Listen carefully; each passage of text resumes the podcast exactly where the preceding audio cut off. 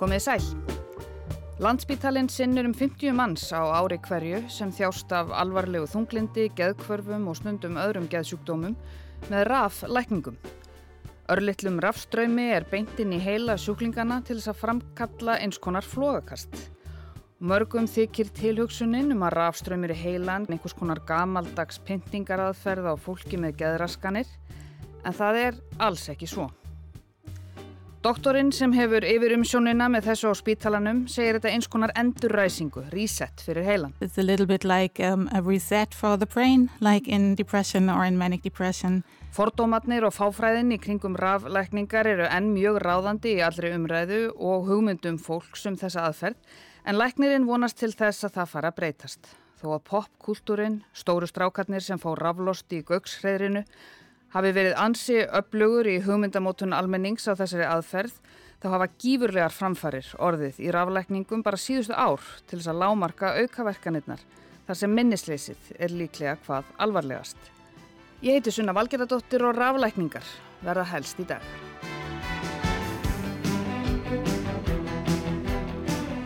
Læknirinn sprautaði sig með morfinni, hann saðist hafa unnið á geðdildinni í 15 ár og geymdi órólegu sjúklingana á þartilgerðri deilt. Svo átt að setja Lillu í raflost því hún væri orðin óð, hún sagðist þurfa að breytast í leðurblöku og byti fólk í hálsin. Heimsókn á deildina endaði með hryllingi eins og í göggsheðrinu. Hann er ólaður niður, dópaður upp og honum tilkynnt að nú sé hann orðin sjúklingur og geðdeild í tveggja ára meðferð. Á morgun fara hann svo í raflost, enda stór, strákur.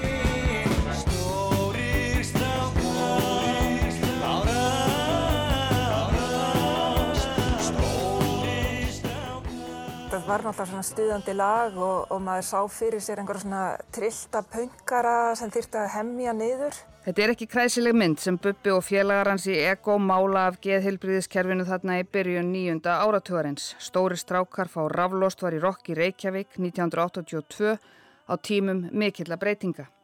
Ári síðar voru þættirnir Líf og Helsa síndir í sjónvarpinu og var einn þeirra helgaður geðhilbriðismálum. Marjana Fríðjónsdóttir spyr hér þáverandi yfirleikni á Kleppi hvort þeir séu að notast við raflóstsmeðferðir. Raflóstsmeðferðin var, ald, var aldrei notuð hér á Kleppspítalanum eh, fyrir 1970. Síðan eh, hefur hún verið notað að einstöku mjög sjaldan við sérstaklega valin tilfelli sem að þeir sérfræðingar sem hafa haft með uh, þá sjúklingan að gera hafa talið að ekkert annað digði við svo leiðis að þetta er lítið notað. Það er greinilegt að yfirleiknirinn Tómas Helgason er ekki áfjáður um að tala um þessa tegund meðferðar. Það var ekki byrjað að nota rafleikningar á kleppi fyrir en langt var liðið á sjönda áratvín og eins og heyrist í svari hans þá voru hann ekki mikils metin á meðan því var öfugt farið á geðsjúkrahúsum og hinnum Norðurlöndunum. Á eftir spurningunni um raflostið spurði Mariana hvort þeir notist enn við spennitreyjur og læknirinn segir svo alls ekki vera. En þetta var fyrir 40 árum síðan og raflostsmeðferðir eða raflækningar eru enn töluvert mikið notaðar við geðlækningar. En þetta var fyrir 40 árum síðan og þrátt fyrir miklar framfarir í livjameðferðum við þunglindi síðustu ár eru raflækningar enn árangursíkasta meðferðin við alvarlegu þunglindi og vissum undirflokkum þess. Raflækningar eru þó yfirleitt aldrei fyrsta úrræði þegar kemur að meðferðum við geðsjúkdómum. Það er ekki gripið til þeirra fyrir en ljósterað liv og samtalsmeðferð dugi ekki til. Og það er bara nokkuð algengt að það dugi ekki til. Í fyrra voru 45 manns í reglulegum raflækningum, þar af 6 í viðhaldsmeðferðum og það sem afverð þessu ári eru sjúklingarnir 31, þar af 3 í viðhaldsmeðferð. Um, my name is Dr. Astrid Freisen. I'm a specialist for psychiatry and psychotherapy. and I'm working um, at Landspitali at a psychiatric reception ward, mainly focusing on people with Astrid Fræsen er geðleiknir og sérfræðingur í ráleikningum og atferðlist miðuðum geðsjúkdómum. Hún sinnir mest fólki með alvarlegt þunglindi og geðkvarf, sjúkdómum sem hafa áhrif á skap og atferðli fólks. I started to get to know ECT when I was a uh, doctor in training in psychiatry, which was in um, I started in 2005, and then I did the ECT um, in um, with the patients myself. So I was um, in Hún lærði geðlækningar í Þískalandi en hefur starfað á geðsviði landsbítalans í tvö ár síðan 2021 þar sem hún hefur yfir umsjón með raflækningum sem nefnist Electroconvulsive Therapy á ennsku, ECT. Hún kynntist þessu þegar hún var kandidat í Þískalandi 2005 og hefur synt því síðan.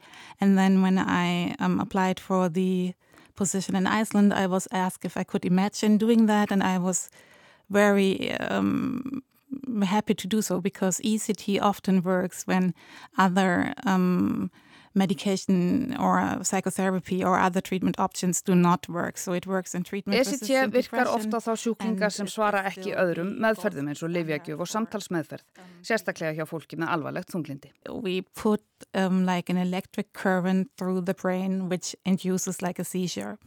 It's like a Like seizure, þetta er eins konar enduræsing á heilanum, þetta er reset-takki. Heilastarf sem er þunglindi sjúklinga og hjá fólki með geðkvörf er ekki eins og hún á að vera og ECT getur lagað það.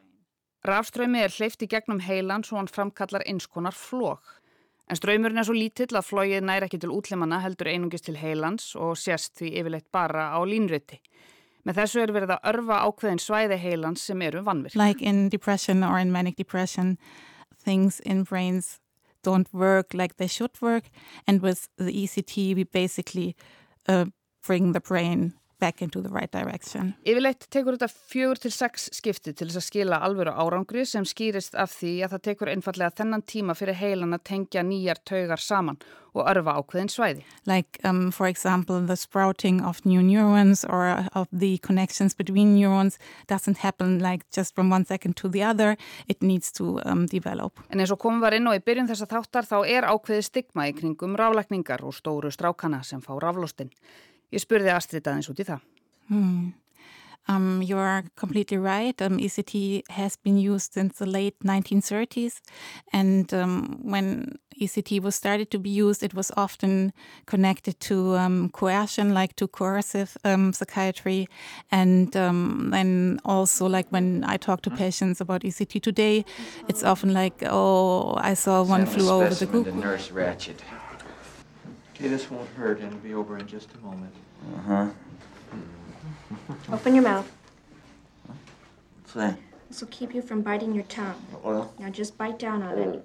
Those pictures like of ECT without um, anesthesia. are you ready?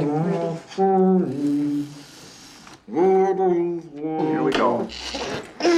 Without um, muscle relaxation, they are still in the heads of many, many people.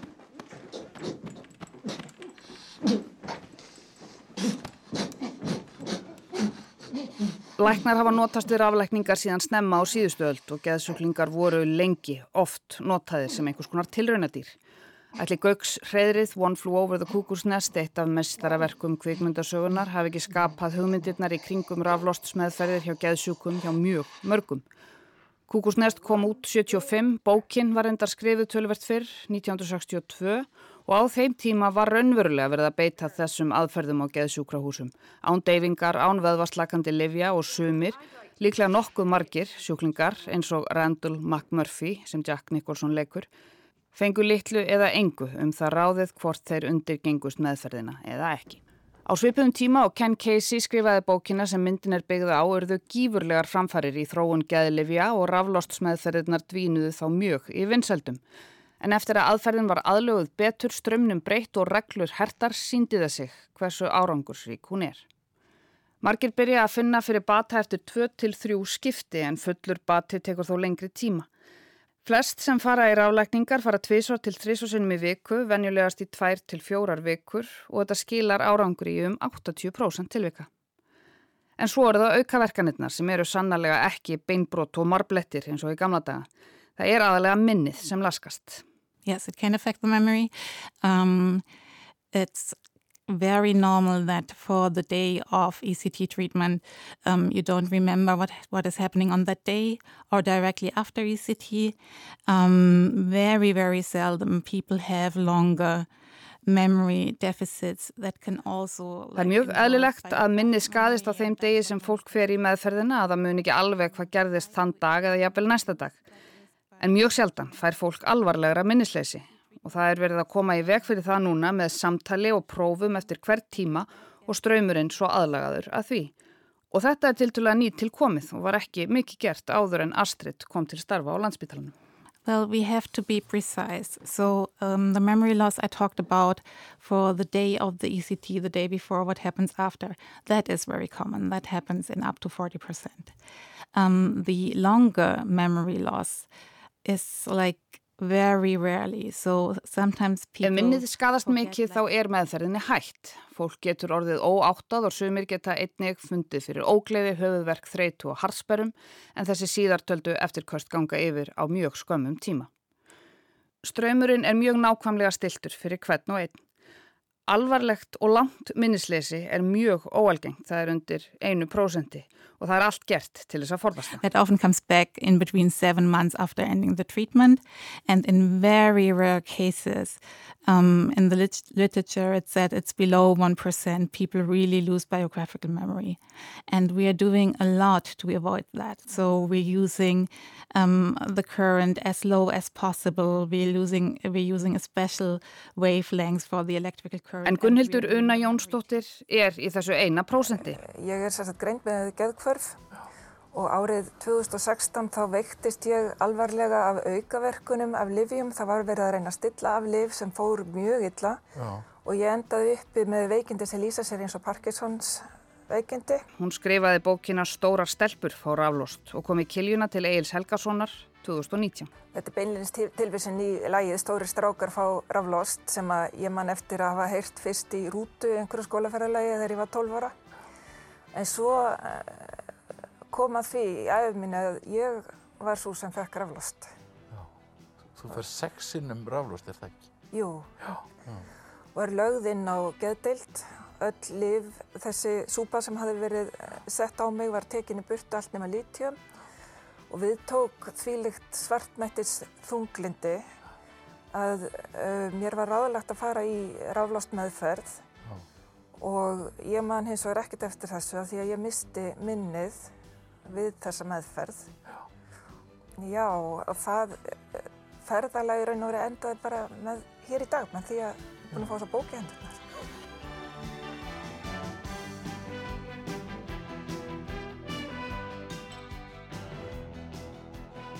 Astrid segir reynslu Gunnhildar heyra til algjöra undantekninga og síðan hún undirgekst meðferðina hafa miklar framfarir átt sér stað.